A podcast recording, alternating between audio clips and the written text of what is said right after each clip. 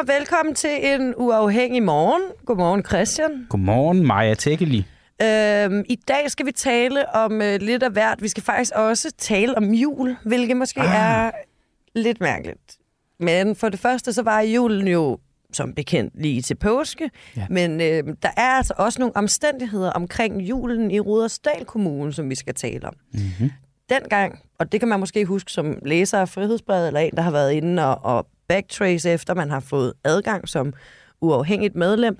Øhm, før jul kunne vi afsløre, at Rudersdal Kommune havde brugt enormt mange penge på at sætte sådan nogle elcykler op, for at ligesom, spare penge øh, på strøm i den her tid, eller i hvert fald sende et signal om, at vi skal spare penge på strøm i den her tid. Altså cykler, der kunne producere el?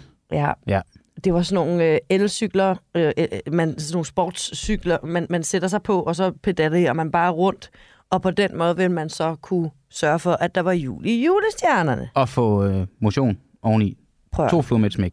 Det er dobbelt op på det, man skal for tiden. Det lyder rigtig genialt. Ja, det gør det, men der er nogle om, omstændigheder omkring de her cykler, som vi skal tale om lidt senere, og de omstændigheder er, at det ser ud til at være et rimelig nøje orkestreret bluffnummer for Rudersdal Kommune. Nej. Meget spændende, hvis jeg selv skal sige det. Meget, meget mærkelig historie. Øhm, og øh, noget, jeg glæder mig til at høre, hvad medlem øh, af, af Rudersdal Kommune øh, og viceborgmester Jens Klopperborg Skrumsager siger til det. Det er altså ikke ham, der har stået for det. Mm. Man har været involveret i det på en måde, der måske er lidt pinligt for ham. Er det noget, du vil fortælle om nu? Nej. Nej. Det så er, er det, det jo en fordi, teaser. Jamen, I skal ligesom vente til det kommer. Og hvornår kommer det så? Det kommer senere. Okay. Ikke? Det er sådan, øh, om en halv times tid, ja. så tager vi den. Men inden da, altså, så var der jo en lidt stor nyhed i går, synes du ikke? Øh, jo, øh, håndbold. Ja. Nå ja, nej, okay, hvad skete der der? Jamen, det ved jeg faktisk heller ikke. Nej, jeg tænkte på Birte Røn Hornbæk. Nå ja, okay, ja, ja. den er også stor. Ja, ja, Birte Røn Hornbæk, der øh, melder sig ud af Venstre øh, efter 48 år. 48 lange år? I og, ja. Jamen, det er bare, nu var det det. Nu var det det. Ja. Og, og, og nu var det nok. Øh, hun siger, øh, hvad er det, hun siger, der er så sjovt? Øh, det hele er for mig så fuldstændig forrygt og rykker ved Venstre og kapper Venstres fødder over, siger hun. Hele sagen er kommet bag på hende, og det er altså sagen om store bededags ja. aflysningen. Hold kæft, hvor kan det sætte gang i gaden, det her. Det er jo helt vildt, at det er, øh, det er sådan en sag, der skal ende med, for eksempel for Birte Røn Hornbæks vedkommende, og, øh, og, og, og smide sit parti fra sig, smide, smide en livslang karriere ud på grund af en, en bededag. Altså, der har været sager med, med Syriens børn, der har været... Øh, og jeg kunne blive ved. Altså, der har, bare, der har været så mange store politiske sager i alle de der 48 år. Og så er det en stor bededag, der øh, får hende til at, øh, at sige, nej, nu er det nok. Nu er det nok. Og ved du hvad, jeg, jeg vil faktisk citere Birte Røn Hornbæk, for ligesom at beskrive, hvad jeg har tænkt om det her. Hun siger nemlig, hvis du havde sagt det her til mig for 14 dage siden, altså at det her ville ske, så havde jeg sagt, det er løgn. Det er simpelthen ikke rigtigt, har hun sagt. Birte, jeg har det på samme måde. Ja. Nu skal vi tale desværre ikke med Birte Røn Hornbæk. Jeg skrev faktisk til hende i går aftes, men jeg tror ikke, jeg har det rigtige nummer. Du har ikke fået noget svar? Nej. Nej. Desværre. Det er en skam. Det er en skam. Men øhm, vi skal tale med Jens Rode. Kan det passe, at uh, Jens Rode, du er med på en telefon as we speak? Det er du ikke, Jens, men jeg ved, at du er der lige om, jeg vil gætte på 10 sekunder. Så har man som lytter 10 sekunders tålmodighed til at vente jeg på har, Jeg har Rode. noget, vi kan gøre i mellemtiden. Ja. Og det er øh, i forhold til, at jeg ikke fik noget svar fra Birte Røn Hornbæk. Ikke? Kan du huske det her kunstværk? En advarsel af statsministeren i går. Her står altså en helt, en helt stille Birte Røn Hornbæk. Men øh, mener du, at han har ret i den kritik? At du er uacceptabel? Lige nu hun ikke forstår, hvad det er, han siger. Det er det der, hun udmærket forstår, hvad han siger. Nu, nu griner hun lidt. Har du tænkt dig at efterfølge den advarsel? Hmm. Bliver du som minister? Bliver du som integrationsminister? Du vil slet ikke svare. Ja, det er selvfølgelig lidt underligt at høre det her på radio, men vi har altså at gøre med en Birte Røn Hornbæk, der ikke har lyst til at svare på et eneste spørgsmål, og det er ikke første gang, hun stiller sig der. Men Jens Rode, godmorgen. Jeg kan høre, der er noget skratten. Er der også en Jens? Jens Rode. Og det er desværre blevet et... Jeg ved ikke, om han gentager succesen nu her. Nå ja, han laver måske en bitte røn. Jens, er det dig, der laver fis? Vi har ikke tid til fis nu. Nej, Jens, det kan du godt droppe det der. Vi, har kun, vi sender kun en time nu. Det er fordi Jens han er vant til, at vi plejer at sende to år på, på den uafhængige. Men altså, øhm, lad mig blive ved med at tale om Birte. Nå, Nå, Jens. Jens, Ja, vi kan høre Jens, men Jens han kan ikke høre os. Øh, og det er jo egentlig også Jens, der, der er den vigtigste stemme i, i, i lige netop det her interview. og hvorfor men, er det egentlig, vi skal tale med Jens Rode? Han plejer at være igennem her og ligesom give sit besøg på, Ja. øh, på dansk politik. Ja, han, han har jo ha- haft sådan et, et indgående kendskab til, til politik i, i mange, mange år, flere forskellige partier osv. Mm. Øh, og Jeg øh, kan ikke høre jer. du kan ikke høre os, Jens. Nej, vi, kan- vi kan godt høre dig. Nå, men du, altså, nå, jeg kan jo ikke fortælle, at du bare kan prøve at snakke, men kan vi skrive til Jens, han bare kan begynde at fortælle? Nej, men vi kan jo øhm, sige, at, at jeg glæder mig til at spørge Jens ind til det her, fordi at han jo i det der krumspring, han har været rundt i, faktisk også mm. har været i Venstre. Det er der, han starter, er det ikke? Jo, det er det. Og det var nemlig også det, at han har jo været rundt i mange forskellige partier, blandt andet i Venstre. Øh, og han øh, er derfor, og nu er han jo ude af Folketinget. Mm. Og det er sådan noget, som vi øh, på en uafhængig morgen øjner som en god chance for at få en politisk analytiker, der faktisk ved, hvad det er, de snakker om. Mm. En, der har haft øh, kendskab til politik indenfra, men som nu ikke har noget i klemme i forhold til at udtale sig direkte omkring spillet, både under og, og oven på bordet. Mm-hmm. Øh, vi, havde også haft, vi har også haft Claus Riskær som vores analytiker. Mm. Øh, han er jo bare en loose cannon, Ja, okay. så det er også derfor, at det er fedt. Men så en som Jens Rode, det er faktisk nogle rigtig, rigtig skarpe analyser, så det er jo, er jo drønende ærgerligt, at, at Jens han ikke kan, kan høre os. Jamen, øhm, altså lad mig prøve at... Nu ringer vi til Nu Jens prøver Rohde. vi. Så. Hej Jens. Jens, ja. kan du høre mig? Jens? Jens? Hallo? Jens? Hallo? Jens? Jens? Jens? Jens Rode? Hallo. Jens? Hallo? Hallo Jens? Er ingen... Okay. Altså det eneste problem, der er, det er jo, at øh, det, er den, det er den første kilde, det her det, det sker ved. Jeg kunne jo godt frygte, det blev et gennemgående problem den næste time. Ja, At, øh, men det er katastrofetænkning, det der. Jo, jo, men jeg er jo også altså, jeg er jo ekstremt dystopisk tænkende, og øh, det er også derfor, jeg, har, jeg er altid bange for at få kræft, lige snart jeg finder en knude på min krop. Øh, og det er jo lidt det, jeg ser her, det er en svulst på en uafhængig morgen, der vil brede Der sig. er ingen lyd Nej. overhovedet. Det er sjovt, vi, det, altså, der er jo alligevel noget, jeg kan godt lide det her alligevel lidt. Jamen altså, noget andet, der sker, kan jeg jo lige sige, Ja, det er, idé, at Maja. øh, lad, vi, tager lige, vi rejser lige væk fra Danmark her i mellemtiden. Øhm, har du, altså, prøv, jeg så en video i går på Twitter. Jeg kan godt lige prøve at spille den. Man kan godt nok, man kan jo ikke se det, men øhm, her er der lige lidt lyd fra det, ikke? Og det er godt nok lidt højt. Det er lidt højt.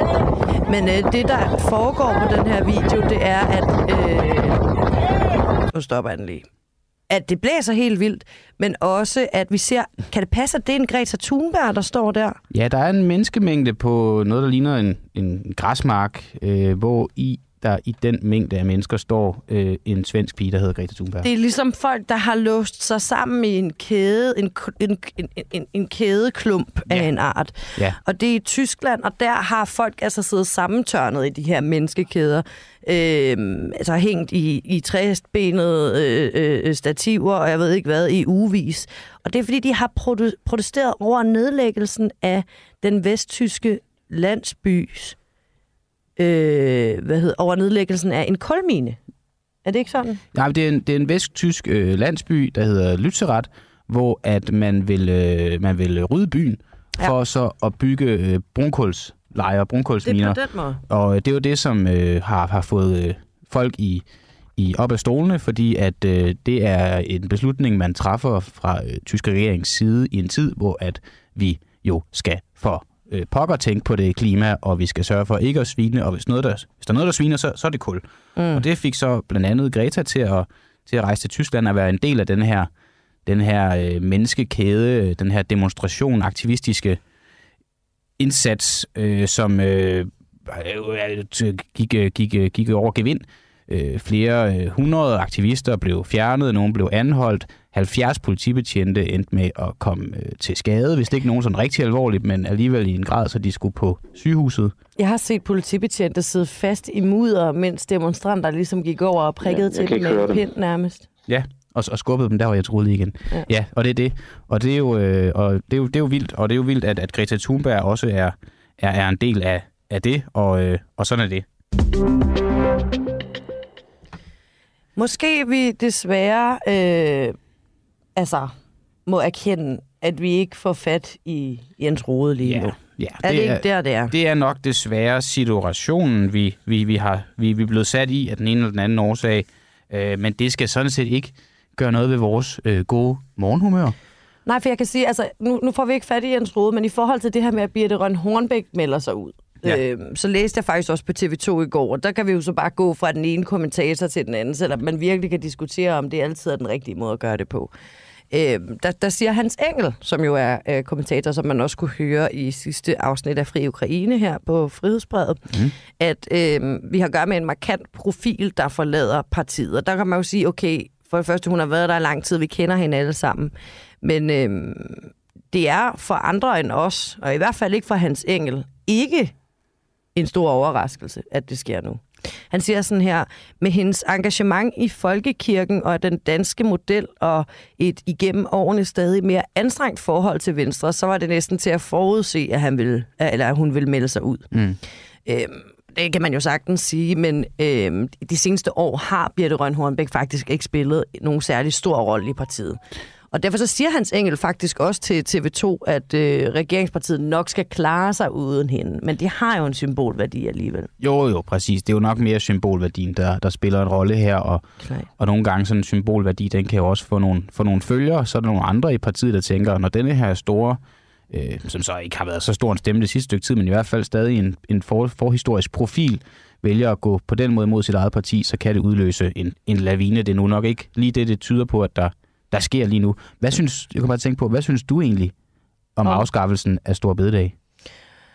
Hvad jeg synes om det? Ja, er du ked af, hvis den ryger? Øh, jeg synes, at der er nogle omstændigheder omkring afskaffelsen af Store Bødedag, som jeg interesserer mig meget for. Altså for det første, så var der de her historier, af, blandt andet fra Jyllandsposten, så vidt jeg husker, om, at der ikke var en konkret beregning, der ligesom kunne bakke op om, at det at afskaffe Store Bededag kunne have den effekt på, øh, hvad hedder det, forsvaret, Mm. så, som det hele tiden har været sat op.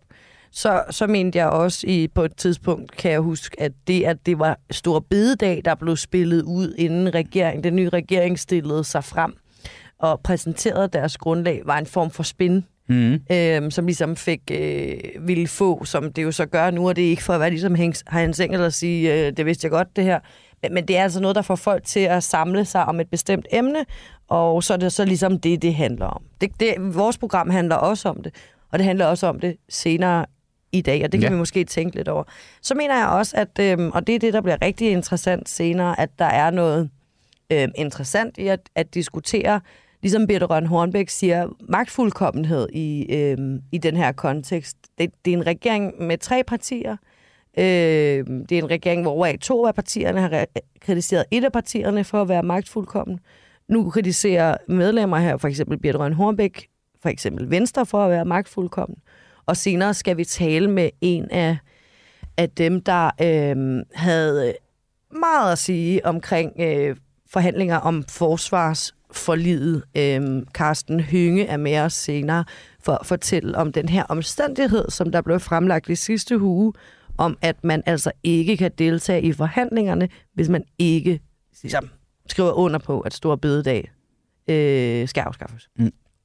Det synes jeg er mærkeligt, så det er Wow. det, jeg synes om det. Ja. Det er what is going on, Mm. egentlig. Ja.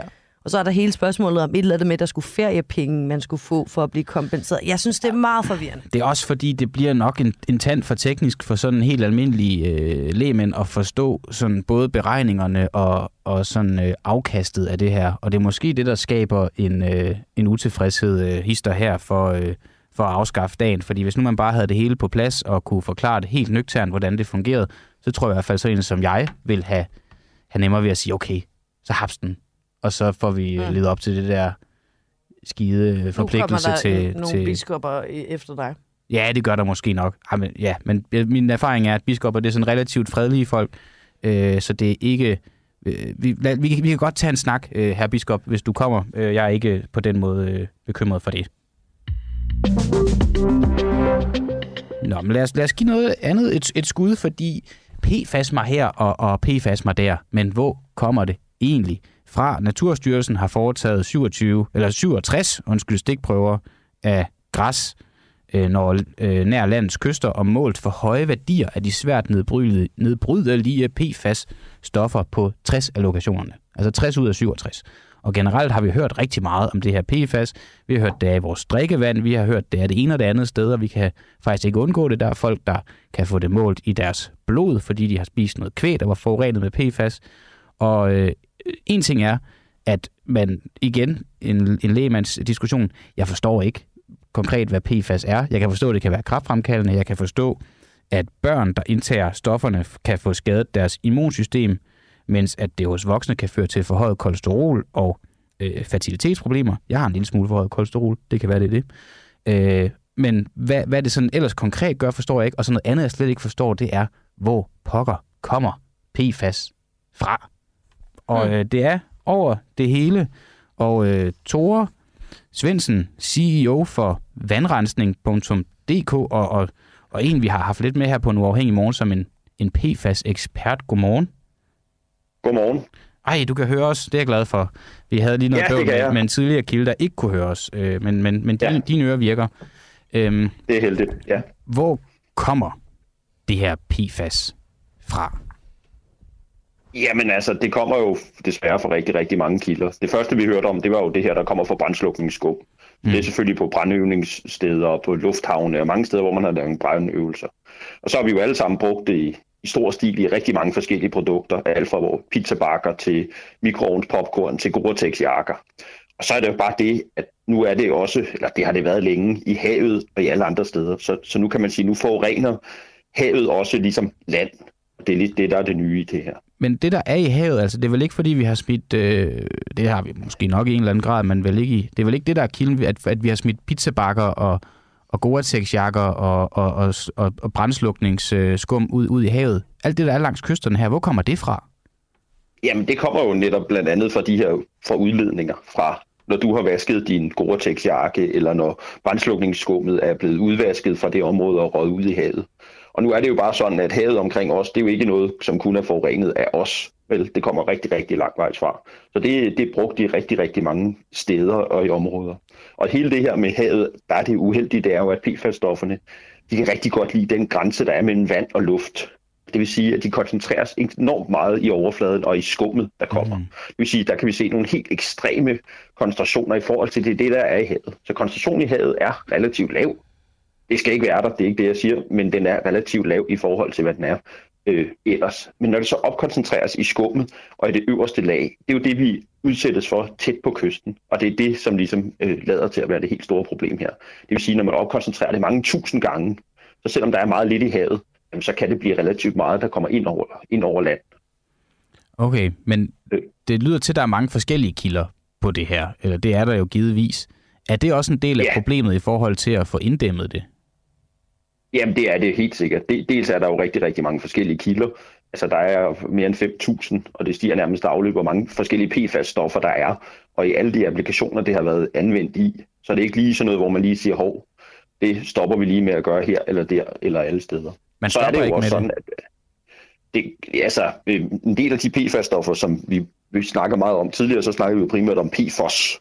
Ja. Jeg ved ikke, om I kan huske, men det, det er jo den her, som eksempelvis har brugt rigtig meget brændslukningsskum. Den er jo forbudt nu, men en række af de andre PFAS-stoffer, dem er der jo stadigvæk et brug, forbrug af. Øhm, og det er ikke forbudt i, i hverken i EU og heller ikke i verdens, på verdensplan at bruge PFAS-stofferne. Det vil sige, at der også stadigvæk kommer noget nyt til den her pulje, som vi ser ude i miljøet. Kan jeg risikere at købe en pizza, hvor at pizzabakken indeholder PFAS?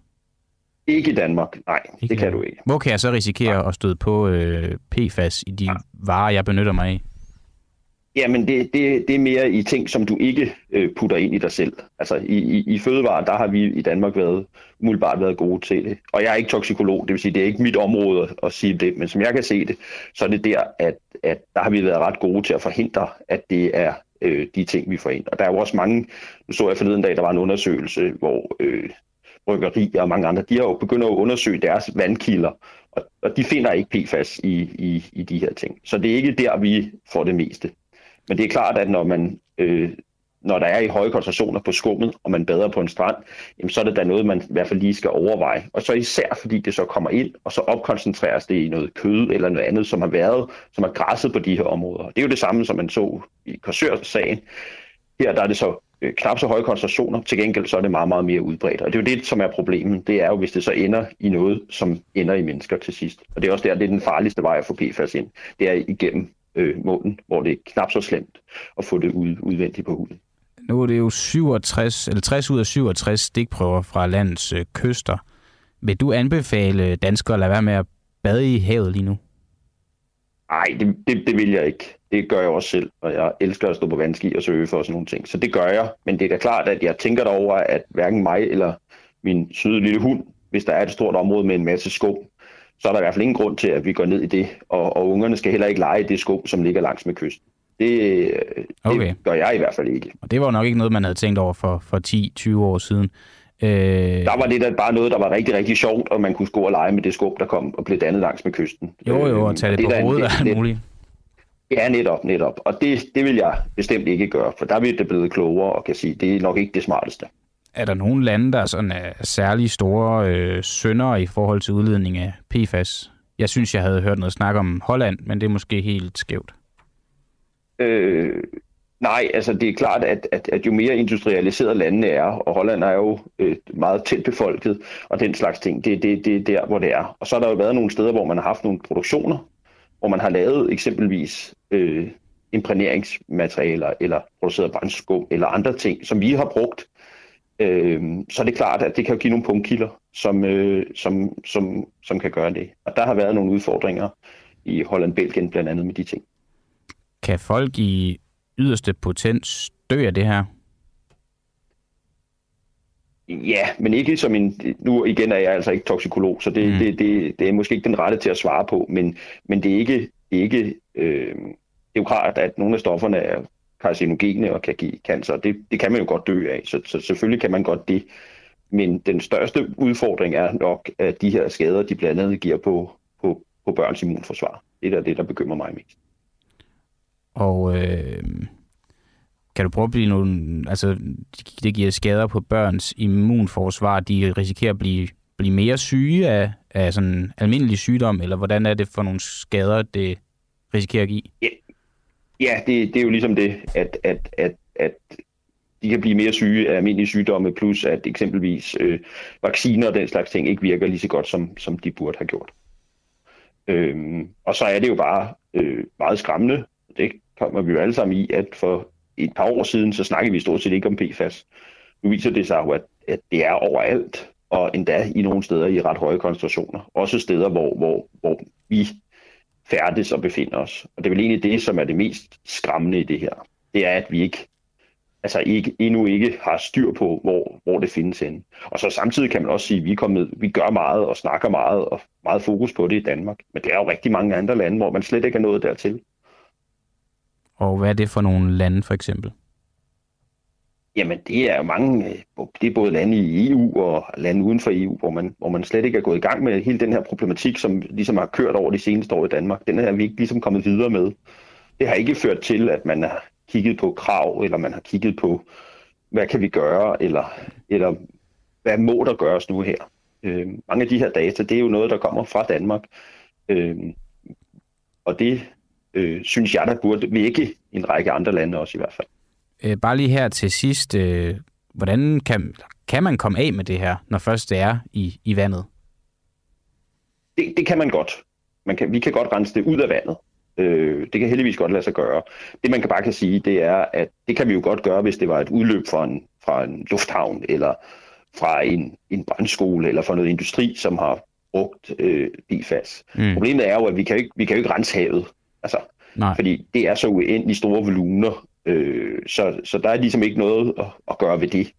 Øh, I hvert fald ikke som det er. Og så, så der er den bedste strategi, det er simpelthen, hvis vi alle sammen tænker, hov, ting, der indeholder PFAS, det skal vi lade være med at bruge, fordi det ender i sidste ende, eller kan i sidste ende, ende ude i havet.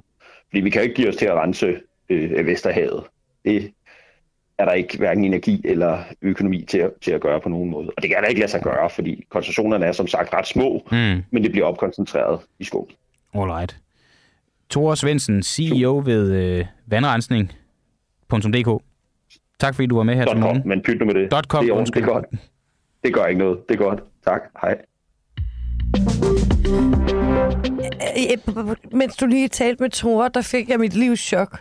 Øh, og, jeg, og jeg er ret sikker på, at folk, der så med på liveudsendelsen på Facebook, kunne se det på mig. Det var, fordi Ekstrabladet havde en rubrik på deres forside lige pludselig, hvor der stod Lykke stopper. Ah, Jeg blev enormt overrasket. Altså, jeg troede, at vores udenrigsminister, Lars Løkke Rasmussen, han simpelthen var blevet træt af at være udenrigsminister nu, men det forholder sig sådan, kan jeg jo bare lige sige, at øhm, Lars Løkke Rasmussen er stoppet som formand for Lykkefonden. Og så nu er det så i stedet for hans datter, Lisa Løkke Rasmussen, der skal drive fonden videre.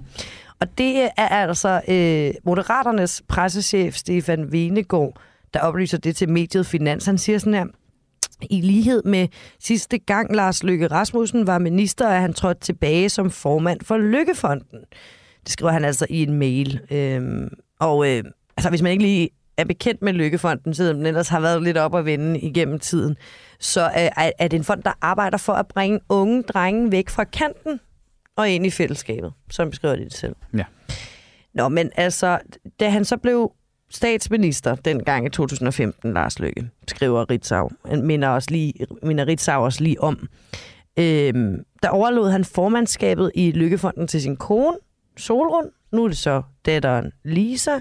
Så optog han arbejdet i maj øh, 2022 her sidste år, og nu stopper han altså igen, øh, fordi han er blevet udenrigsminister, må man gå ud fra. Ja. Men øh, jeg ved ikke, hvad vi skal bruge det til. Nu ved vi det. Øh, jeg kan trække vejret igen. Det er jo meget en... en, en øh, altså, Solrun og de andre i familien, de må jo øh, prise sig lykkelige hver gang, at, øh, at Lars Løkke han bliver minister, fordi så er der ligesom sikret dem et, et, et, et ret ok job. Det må man sige. Det må man sige. Man kan vide, om det er sådan, der skaber splid. Hvem skal nu være, for, være formand i Lykkefonden? Nu var det Solrun sidst, nu er det datteren nu. Er det så Bergur næste gang? En Bergo, hvor er det Bergo er? Han, han er i øh, Europaparlamentet Ja. nu, er han ikke? Så det vil nok ikke være ham, nej. Men det kan godt være, at han når at komme hjem. Ja, det kan jo være. Nå. Øh, har du flere nyheder til os? Øh, nej, altså nu kom jeg lige ind på Ekstrabladets forside igen, og der står der bare, at prins Harry omtaler sin kønsdel 15 gange i sin nye bog. Ja. Og så jeg tænker måske, vi bare skal gå videre. Ja. Nu skal vi nemlig tale om dagens historie her fra Frihedsbrevet. Og øh, hvis I lige vil holde tungen lige i munden derude, så vil jeg lige prøve at forklare jer præcis, hvad det er, vi skal snakke om, og hvorfor. Og så får vi en øh, gæst i studiet, det er jeg meget glad for.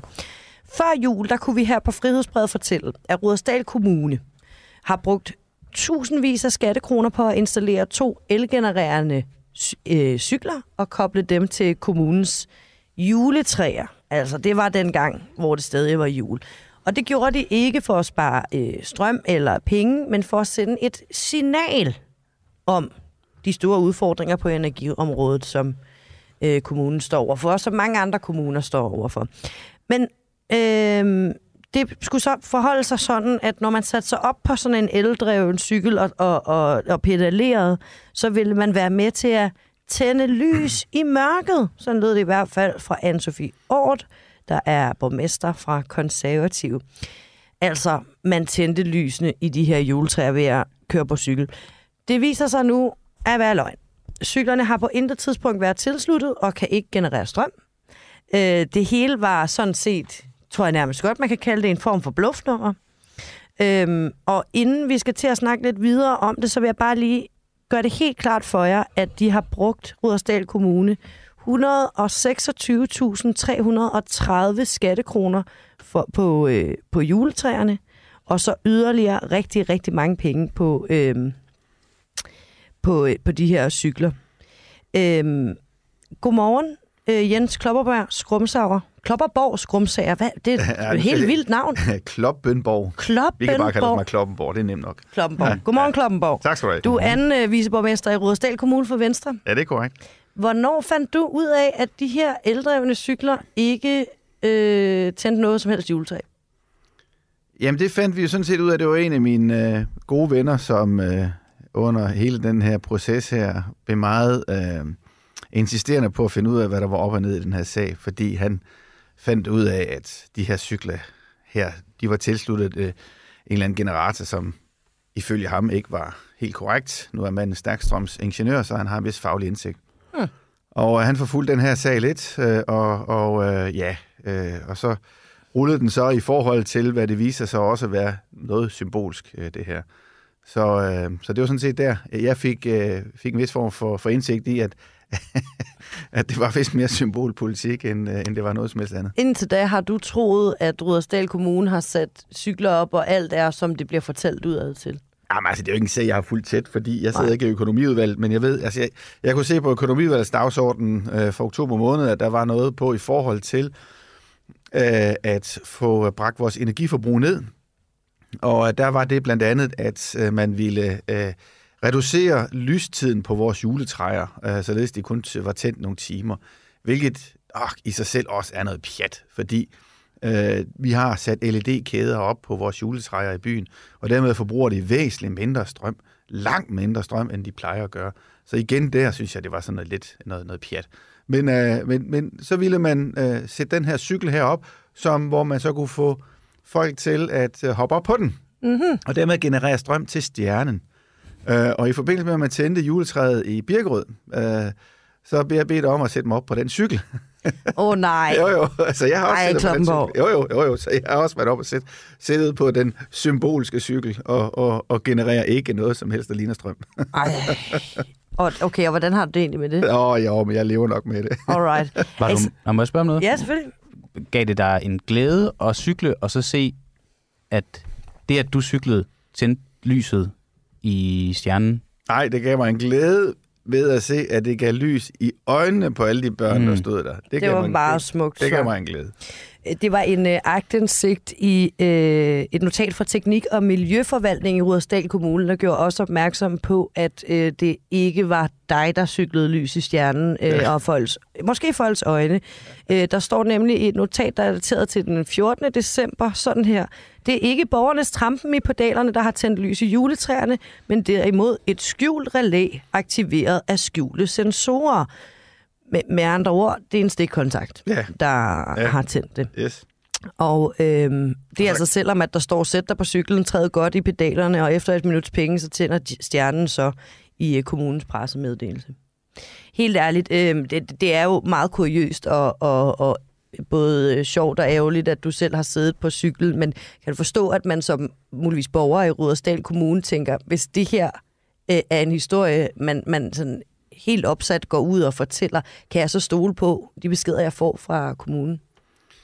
Ja, det kan jeg egentlig godt. Altså, men det her det er jo bare et eksempel på, hvad symbolpolitik er, når det øh, kommer ud i vild dressur. Øh, og det er, at øh, det har jo ingen virkning. Der er jo, det her det er jo et, øh, sådan et bluffnummer, øh, hvor man bilder befolkningen ind, man gør et, og så gør man noget andet.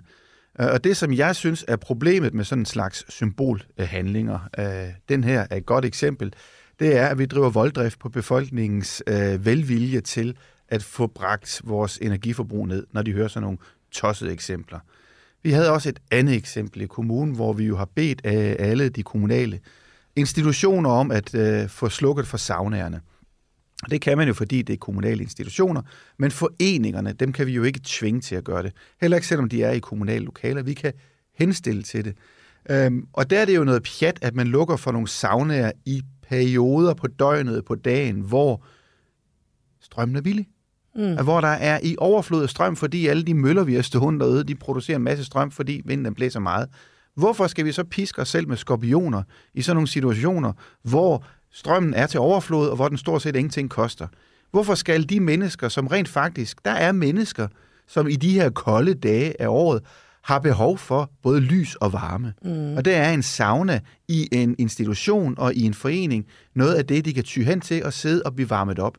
At vi skal piske os selv med skorpioner i sådan en situation, hvor strømmen er stort set gratis, og så slukke for en sauna, kan jeg ikke se rimeligheden i. Hvis jeg lige må spole tilbage fra saunaerne ja. over til cyklerne Ja. igen, fordi altså en ting er jo, at man træffer nogle beslutninger for at spare på el, så man kan så være uenig om, det er de rigtige. Ja. En anden ting er at fortælle borgerne, at hvis altså, vi har sat det her, øh, hvad kan man sige, vi har sat de her cykler op, de fungerer på den her måde, så er det ikke rigtigt. Altså, at- kan vi gå så langt, vi kan godt kalde det en løgn, ikke?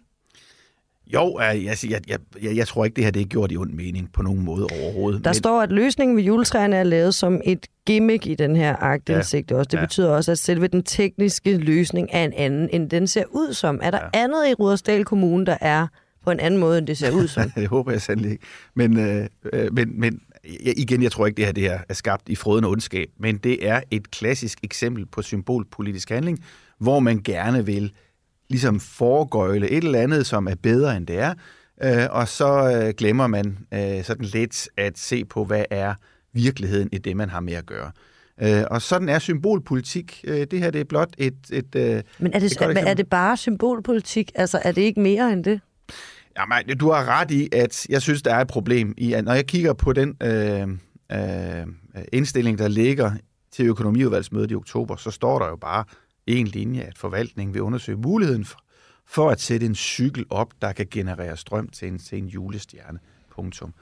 Øh, og, og, og mere har jeg sådan set ikke beskæftiget mig med den sag andet, end at jeg har set det, at hvad der så efterfølgende er kommet ud af det, øh, har jeg ikke haft øh, indsigt i, men jeg kan så forstå, at man øh, er kommet så langt, at det viser sig så, at man er, i stedet for at man fra forvaltningssiden er kommet hen til, til politisk øh, hold og så sige, det I har gang i, øh, det, det kan ikke lade sig gøre. Øh, det så man jo også i Sovjetunionen. Alt det, man gerne ville, det kunne ikke lade sig gøre. I stedet for, at man stoppede det, så fortsatte man, ikke for at drage den direkte parallel, men det er jo et klassisk eksempel på symbolpolitik, når det er, at man prøver at lave et eller andet, som ikke kan lade sig gøre, og så prøver man bare at foregå i lov for befolkningen. Det er dumt, og det skal man ikke gøre.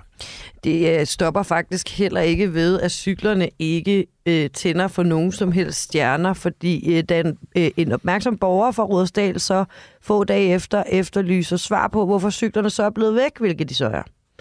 Øh, hvad hedder det? Så skriver en ledende medarbejder, at det blandt andet er for at undgå herværk, at cyklerne altså er blevet fjernet. Men i en øh, kommentar oplyser Anne-Sophie Ort fra konservativt der er borgmester, at cyklerne er taget ned, fordi der er blevet stillet spørgsmål til installation. Så igen, man siger én ting til borgerne, øh, og, og virkeligheden er en anden. Har du haft, fordi det har vi forsøgt, øh, har du haft samtaler med Rudersdal Kommunes borgmester om det her? Ej, ikke om den her sag her. Det har jeg ikke haft endnu.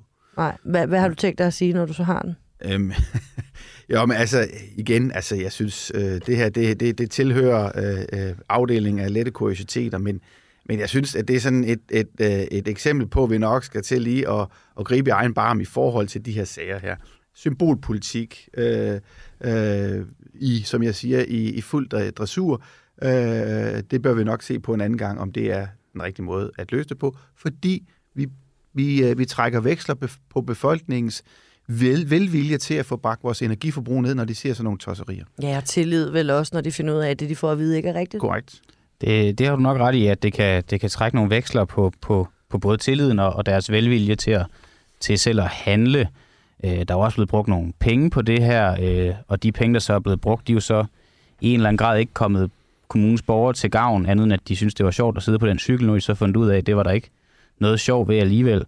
Øh, der var også andre ting, der er blevet brugt penge på i Rådesdal Kommune, der blandt andet øh, borgmesterportrættet af Jens Ive, der endte med at koste, øh, var det 250.000 kroner, øh, samtidig med, at man gik ud og sagde til borgerne, at vi skal spare på nogle, på andre områder, blandt andet også i forhold til julelys. Det kunne ikke være, være tændt døgnet rundt, som, som det ellers havde, havde for vane. Øh, man kan godt fristes til, til at tænke, at, at man måske sløser lidt med, med borgernes penge i, i kommunen. Synes du, at egentlig at, at det her portræt, man, man valgte at, at bruge alle de her penge på, kom borgerne mere til gavn, end, hvis man havde brugt det på nogle, nogle ting, der sådan set rettede sig mod borgerne? Nå, nu skal vi også til at tale om et, et, et borgmesterportræt. Det er sådan en tradition, man har i flere kommuner, at man efter en borgmester, der sidder der i en del år, tager og laver et portræt, og det har jeg sådan set ikke noget problem med. Så du, det er okay med dig, at det kostede 250.000 Jamen, det koster, kroner? det koster penge at få en kunstmaler til at lave et billede. Så må man så sige, det ønsker vi ikke at gøre brug af at få lavet et billede, øh, hvor man bruger en kunstmaler til det. Øh, det har jeg sådan set ikke problemer med. Men kan du forstå, at borgere i kommunen, som der har været en del kritik fra, kan synes, at det er rigtig mange penge at bruge på, på et portræt, når de får at vide, at de skal spare på en række andre områder? Ja, jeg kan godt forstå, hvis man isoleret set kigger det på den måde. En kommune, der har et budget på flere milliarder, og så er man efter en borgmester, der sidder der 10 år, og man har i, i de 10 år måske har brugt 30-40 milliarder kroner på at drive en kommune, bruger 250.000 på at lave et portræt, som man har gjort det med tidligere borgmester. Kunne man ikke bruge dem på for eksempel julelys? Jo, altså vil det ikke være kommet borgerne mere har til kostet- gavn? Det har kostet 5.000 kroner at tænde lysene i juletræet hele julen, øh, og det synes jeg også bare, man skulle gøre. Det tager vi lære, det synes jeg også, vi skal gøre til næste år. Men jeg, jeg kan ikke, altså, omkring, omkring det at, at disponere, vi har, en kommune har så mange forskellige udgifter. Vi har, vi skal, vi skal undervise vores børn, passe vores børn, vi skal passe vores ældre, vi skal hulle vejene, eller fylde hullerne op i vejen, og alle de her ting her. Øh, der er mange forskellige udgifter. Der er også øh, kunst- og kulturudgifter, og man kan sige, i en situation, hvor der er en krise, skal vi så have brugt penge på teatre og, og kunst. Øh, Jamen, det kommer jo borgerne til gavn. De kan jo komme ind og se det her teater, og komme ind og se det her kunst. Det her borgmesterportræt af Jens Ive, der er vel ikke en valgfart af borgere, der kommer for at se og få en hel masse kulturelt ud af. Eller hvad? Det er en del af en tradition, man har haft i, i, i Danmark, og også i Folketinget. Der bruger man det også, øh, og det er med til at øh, sk- skabe en øh, noget til eftertiden, så man kan se, øh, hvem det er, der har været borgmestre. Øh, og så kan du sige, at man kunne bare lave et, et, et, tage et almindeligt fotografi og smide det ind i en ramme. Det kan man også. Det gør man Mm. mm. også andre steder. Øh, Men ikke hos jer. øh, nej, og det er vi ikke den eneste kommune, der ikke gør det på den måde. Øhm, kan du forstå, at øhm, når man hører om, at man, altså for det første, jeg bruger øh, en kvart million på et portræt, øh, og så sætter de cykler op til øh, over 100.000, som så heller ikke virker, at man tænker, at man har et lidt for øh, loose forhold til penge i Rudersdal Kommune. Nej, det mener jeg ikke. Altså, vi, er, vi har faktisk en effektivt drevet øh, kommune. I er også en Øh, af de rigeste kommuner i. Jeg jo en af dem med de laveste øh, øh, kommuneskatter øh, i, i landet, øh, og en af de kommuner, som betaler allermest udligning til andre kommuner. Så på den måde er vi en kommune, som, øh, som øh, øh, har styr på, på økonomien. Øh, men altså... Øh, Jeg hvis har så meget hvis styr på den, at de kan bare Ja, bruge hvis det. du tager det maleri, så kommer det jo til at hænge for evig tid. Øh, og blive en øh, vidnesbyrd om den tid, der var tilbage øh, øh, de sidste 10 år. Tager du øh, det med, med, øh, med cyklerne, så er der nok mere over i den der kuriøse afdeling, hvor jeg siger, at det er, det er noget pjat. Ja. Fordi det er der ingen, der har fået noget ud af. Øh, hvad, tror I, hvad tror du, at som altså os anden viceborgmester, at, at Rudersdal Kommune skal lære af den her historie? Ja, selvfølgelig skal vi da lære det der. Hvad den, skal I lære? Det vi skal lære af det, for det første, så synes jeg, at, at, at den her beslutning er blevet truffet på et ufuldstændigt grundlag. Altså, der har ikke været... Øh, altså, de, øh, økonomiudvalg, økonomiudvalgsmedlemmerne, som har truffet den her beslutning, har ikke været informeret tilstrækkeligt om, hvad det er, de har øh, besluttet. Mm. Det er i hvert fald en ting side af sagen. Og så synes jeg, at man kan få en generel diskussion omkring de her symbolpolitiske handlinger, som i den her situation, mener jeg, kan være med til at fjerne befolkningens velvilje til at være med til at bringe vores øh, energiforbrug ned. Mm. Øh, og det vil da være tosset, hvis, øh, hvis, øh, hvis de her igen symbolpolitiske handlinger øh, medvirker til sådan noget. Hvorfor siger du egentlig ikke, at man ikke skal fortælle borgerne én ting, og øh, så, øh, altså noget, der ikke passer? Om det siger jeg sådan set heller ikke. Jeg synes at vi skal da have, have det Skal, frem. det, det skal man vel også lære? Ja, selvfølgelig skal vi det. Ja, okay. Jeg har ikke mere mig, har du det? Det har jeg heller ikke. Tak fordi du lige kom og var hele vejen rundt øh, om øh, det. Jeg håber, at, øh, at vi ikke skal snakke om det her igen, øh, fordi det ligesom må være lys nu. Der kan simpelthen ikke være mere, der ligger øh, under gulvtæppet. Der kan ikke Øh, spares en krone i den offentlige sektor, ikke det, man siger? Jo, det er der, det man siger. Jamen, øh, jeg endte jo med at kalde dig Kloppenborg, men du hedder altså Jens Kloppenborg Strumsager. Ja, jeg havde også Grumse. Ja, men det er... Altså Men nu. Kloppenborg Ja, det er nok. er den, vi tager. Ja, ja. Anden viceborgmester af Rudersdal Kommune for Venstre. Tak fordi du kommer Det er med. fint. Ha' en god dag. Jamen, nu skal vi til det.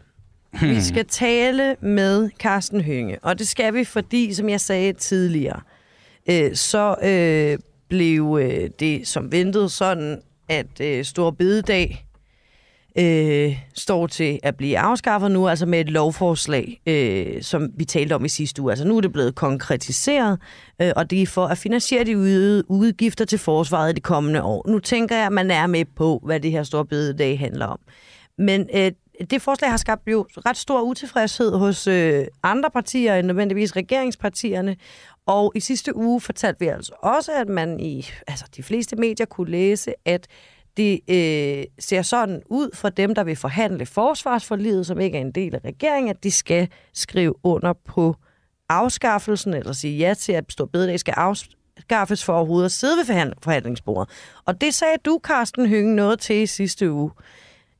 Er du med på telefonen? Det kan jeg da regne med. Godmorgen. Godmorgen. Altså, Godmorgen. kan du ikke lige fortælle, hvordan det, du ved, at regeringen har det her krav? Nå, men de sidste krav, det kom jo først frem i fredags. Ja. Øh, det, er lidt, det er lidt vildt, ikke? Det er lidt vildt og lidt, øh, lidt anderledes i forhold til, hvordan vi normalt omgås partierne indbyrdes, når man indgår aftaler. Ja, hvad, hvad, hvad mener du med det? Altså, hvad, hvad synes du er det vilde i det? Altså det, de, det at sige til andre partier, som gerne vil deltage i seriøse forhandlinger om et, øh, et, et, et forsvar, det kan være SF, eller det kan også være de konservative, at man da får sådan et, ultima, eh, altså et, et ultimatum stillet op, inden forhandlingerne går i gang, at for overhovedet at få lov at komme ind i lokalet, så skal I stemme ja til noget helt andet, der ikke har en snus med forsvaret at gøre. Hmm. Det er jo helt usædvanligt, og det er en, en så aggressiv og en så ekskluderende façon over for andre partier, at det er, det er jo ikke noget, vi sådan rigtig har set øh, før. Sådan, øh, I ren nysgerrighed også. Er det bogstaveligt sådan, at man ikke må komme ind i rummet, før man siger ja til det? Eller hvordan foregik det helt præcis? Jamen, det ved vi ikke helt præcis endnu, hvordan regeringen har, har tænkt sig at føre det ud, mm. men de har jo givet os et ultimatum på syv dage. Okay. Og der skal alle, ikke, ikke kun SF, men alle partier skal jo melde tilbage. Har I tænkt jer at stemme for at afskaffe Stor Bededag som helligdag, ja, så kan I være med i forhandlingerne. Eller kan I ikke. Sådan ser det ud lige nu. Men jeg har det alligevel sådan lidt, at, at det er så vildt, at jeg tænker, at det kan de... de jeg har lidt med sådan min, min, min, sådan min snusfornuft og min sådan pragmatiske tilgang til politik, det gør, at jeg tænker, det kan de sgu da ikke mene. Nej. Men så nu må vi lige se, hvad de har tænkt sig at gøre de næste dage. Hvad synes du, det er et, et udtryk for at opstille sådan nogle her øh, ultimatumer for ens forhandlingspartner? Jeg synes, det er aggressivt, og jeg synes, det er sådan ekskluderende. Jeg synes, det er at sætte nogle ting på spil, som, som jo ikke har noget med sagen at gøre. Altså, men det Danmark vel har brug for, det er, at vi har et bredt forlig om noget så centralt som vores forsvar. Og det må det være det, der driver, især der en regering. Det er der at få samlet så mange partier som muligt. Om alle forlig selvfølgelig, men der i høj grad omkring et forsvarsforlig. Og derfor jeg har så svært ved at, at kan forstå, hvor den aggressivitet øh, kommer fra, at man synes, at der er et spørgsmål om stå bededag, skulle være det bestemmende om, hvorvidt vi får et bredt forlig om forsvar. Men altså, det løber i hvert fald op til alle fordomme om om øh, magtfuldkommenhed, at man har tænkt sig at trumle ind over, ind over Folketingets partier. Ja, jeg synes, jeg, som jeg har sagt et par gange, jeg synes faktisk, det er så langt ude, at jeg næsten har svært, at jeg har faktisk svært ved at tro på, at regeringen har tænkt sig at gøre det på den måde, men det er der noget, der tyder på det, men, men lad os lige se, om det ikke kan lade sig gøre, at vi kan få, øh, regeringen overbevist om, at det er substansen og indholdet Ja. i forsvars, fordi der skal være afgørende. Carsten, øhm, nu spørger jeg dig lige om noget. Ikke? Altså, øhm, når du siger, at, at det lever op til fordommene om den her magtfuldkommenhed, der jo altså, har været et ord, som jeg tror, folk har sagt mange flere gange, end de plejer, især sidste år. Øh, Det er ret i. altså, Ja. så, så tænker jeg bare på, at SF har jo også siddet i regering, eller i hvert fald som, undskyld, som støtteparti for øh, en socialdemokratisk regering før det her valg. Øh, vil du mene, at Mette Frederiksen er mere magtfuldkommen nu end før valget, da SF støttede regeringen? Jeg synes faktisk ikke, at, øh, at den tidligere socialdemokratiske regering var magtfuldkommen. Altså på den måde, det synes jeg faktisk ikke. Alene det, at den regering jo hele tiden var afhængig af at lave aftaler med andre partier. Så jeg kunne ikke genkende Men er det måske de ikke lidt, borgerlige. Øh, Er det lidt hets nemmere... mod Mette Frederiksen. Det kunne jeg faktisk ikke. Undskyld, jeg afbrød. Øhm, mm. Er det lidt nemmere at acceptere magtfuldkommenhed, måske, når man så selv er enig og med i det, der besluttes, tror du? Jamen, jamen, prøv at se, forskellen er jo bare, at dengang var det jo en mindretalsregering. Så hvordan man egentlig kan påstå, at en regering, der hele tiden er afhængig af at forhandle med andre partier, mm. optræder magtfuldkommen, det synes jeg var en hets for de borgerlige partier. Her er der jo tale om en flertalsregering, og jeg synes det egentlig, det kom meget stærkt til udtryk i sidste uge også, da vores beskæftigelsesminister, Anne Halsbo Jørgensen, på et spørgsmål i et eller andet medie, i et eller andet fjernsynsmedie, fik spørgsmål om, jamen, hvad, hvad, hvad vil I gøre i forhold til stå bedre, og bare svaret tilbage, Socialdemokratiet, Venstre og Moderaterne har flertal. Jeg mener, det er jo sådan, essensen af at være ligeglad med andre. Det, og det var den tidligere socialdemokratiske regering jo ikke, fordi hvis de var det, så ville de jo blive væltet. De blev nødt til hele tiden at sørge for at have andre partier med. Den her regering kan bare melde ud, at vi har flertal. Og jeg synes, ja. det, er, det er trist for dansk politik. Øhm, hvad, hvad er udfordringen som så konstruktivt oppositionsparti, når man så gerne vil rette en kritik af, af det her ultimatum? Ved du, hvor du skal rette det hen? Altså, er det Socialdemokratiet? Er det, øh, hvad hedder det, Moderaterne? Er det Venstre? Eller er det hele samhørigheden? Har du nogen fornemmelse af, om det er noget, man er blevet enige om? Nu skal vi simpelthen bare øh, sætte dem på plads. Altså, jeg tænker egentlig, at regeringen her har brug for noget tid til at finde, deres, til at finde sine egne ben. Fordi det er jo ikke noget, vi er vant til i Danmark at have en flertalsregering. Og derfor tror jeg også, der går lidt tid, inden de sådan har fundet ud af, hvordan de, hvordan de sådan skal opføre sig. Og derfor, det med at skal gå ind og give den her hvad sige, åbne stil, det, det er ikke noget, der specielt øh, er et krav, man kan stille til Socialdemokraterne frem for Moderaterne eller frem for Venstre. For jeg går ind ud fra, at de alle tre partier har sådan en, den der grundpuls for demokratiet. Og der må jeg sige, at de er godt nok kommet skidt afsted. For en ting er den her stil i forhold til at kræve, det, altså, et, altså, at vi lever op til deres ultimatum i løbet af syv dage. Men også sådan en ting som, hvor hurtigt vi skal behandle den her lov. Altså i regeringsgrundlaget, der skriver de jo det, som jeg blev rigtig glad for, øh, da jeg læste at de øh, hele tiden vil bestræbe sig på mindst at have fire ugers uh, høringsperioder, når man sætter lovforslag ud. Og så det første store lovforslag, de sender ud, der får man en uge, altså en fjerdedel af den tid, de egentlig selv har stillet op som idealet. Og der synes jeg også, det er også et udtryk for altså, utrolig dårlig stil, altså over for folkestyret. Er en uge til at afgive høringssvar nok, synes du? Ja. Nej, det synes jeg ikke. Altså, det, det, det, altså, det er minimum, og derfor kan de godt køre det igennem uden en egentlig, det vi kalder hastebehandling. Til gengæld så laver de en behandling, hvor det hele haster meget, men den kører ned på det absolute minimum, for at kan få et lovforslag igennem Folketinget, uden at skal have dispensation. Og mener bare, hvad er det der også for en start at give sig selv som regering? Og den synes jeg jo ikke, at den kritik specielt skal rettes mod det ene parti frem for det andet. Det er bare dårlig stil, øh, og jeg synes, det er at gøre livet svært for sig selv som regering. Øh. Carsten, øh, jeg går ud fra, at SF er imod afskaffelsen af Storbededag. Ja, det er vi. Hvordan vil I egentlig ellers finansiere forsvarsforledet, hvis jeg må tillade mig at spørge ind til substansen?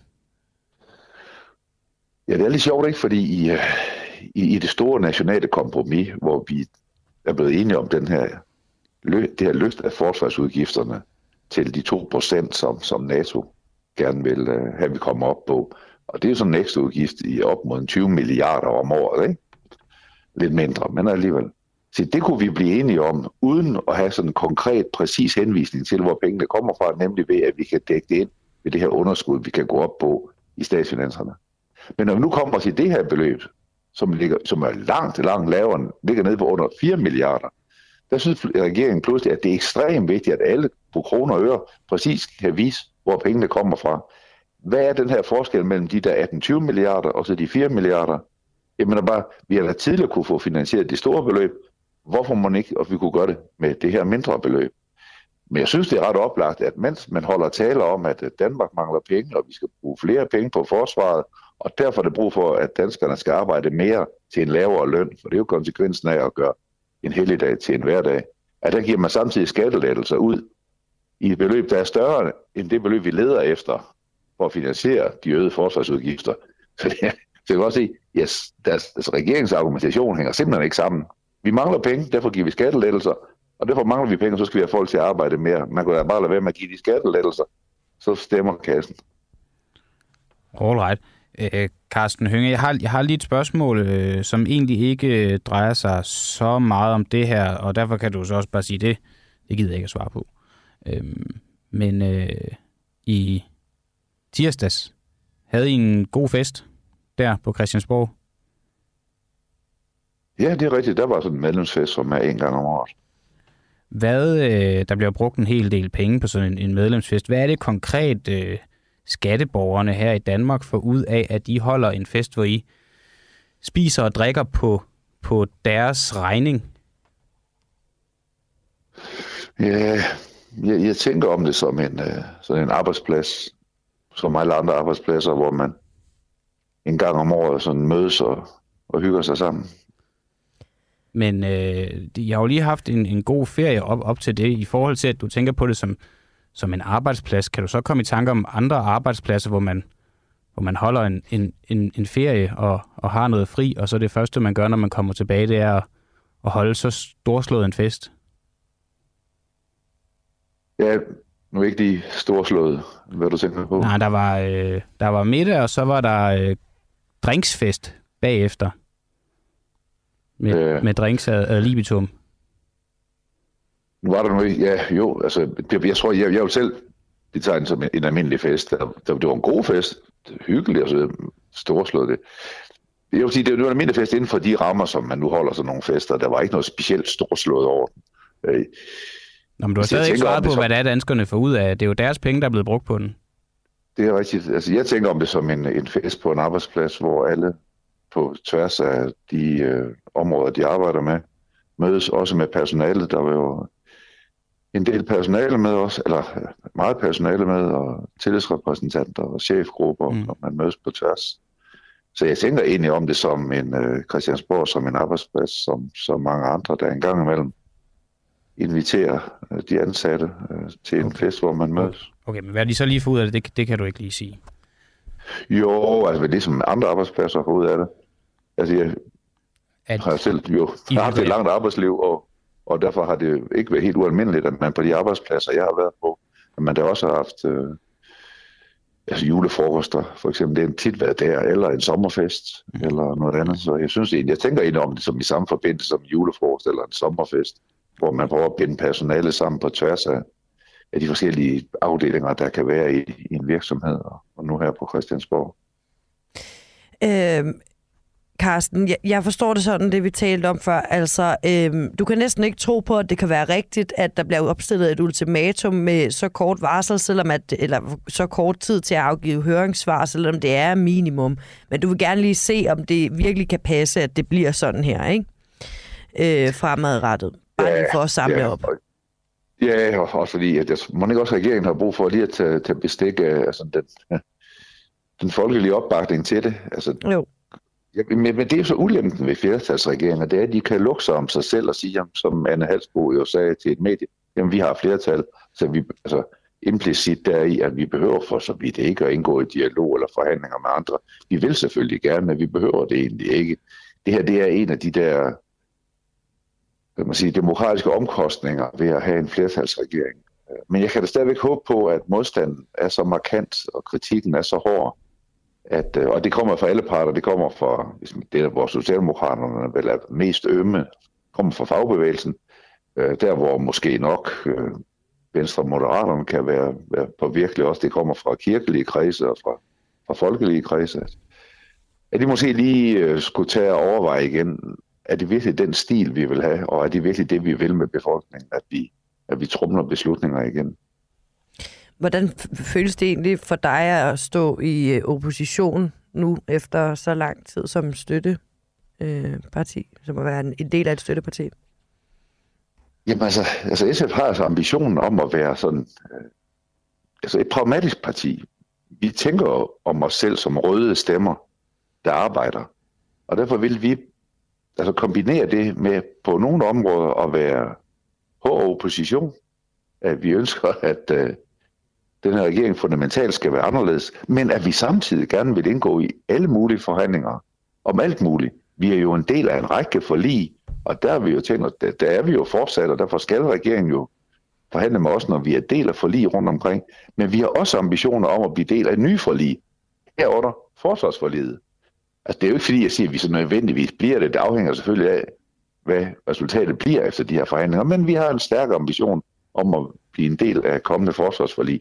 Så det er sådan set den rolle, vi vil have. Altså opposition på nogle områder, men jo altså også indgå sådan i det daglige pragmatiske politiske arbejde, når det er det, der er vores rolle. Og den balance kan vi sagtens finde i SF, for det er et spørgsmål, om regeringen kan finde sin ben i også at være en, øh, altså, en seriøs partner, der, der tager sin, de andre partier i Folketinget alvorligt. Tusind tak, fordi du var med her til morgen, Carsten Hynge, beskæftigelsesordfører for SF. Jeg håber, du har en dag herfra. Tak skal du have. Og øh, tak, fordi I lyttede med derude. Vi er tilbage igen i morgen.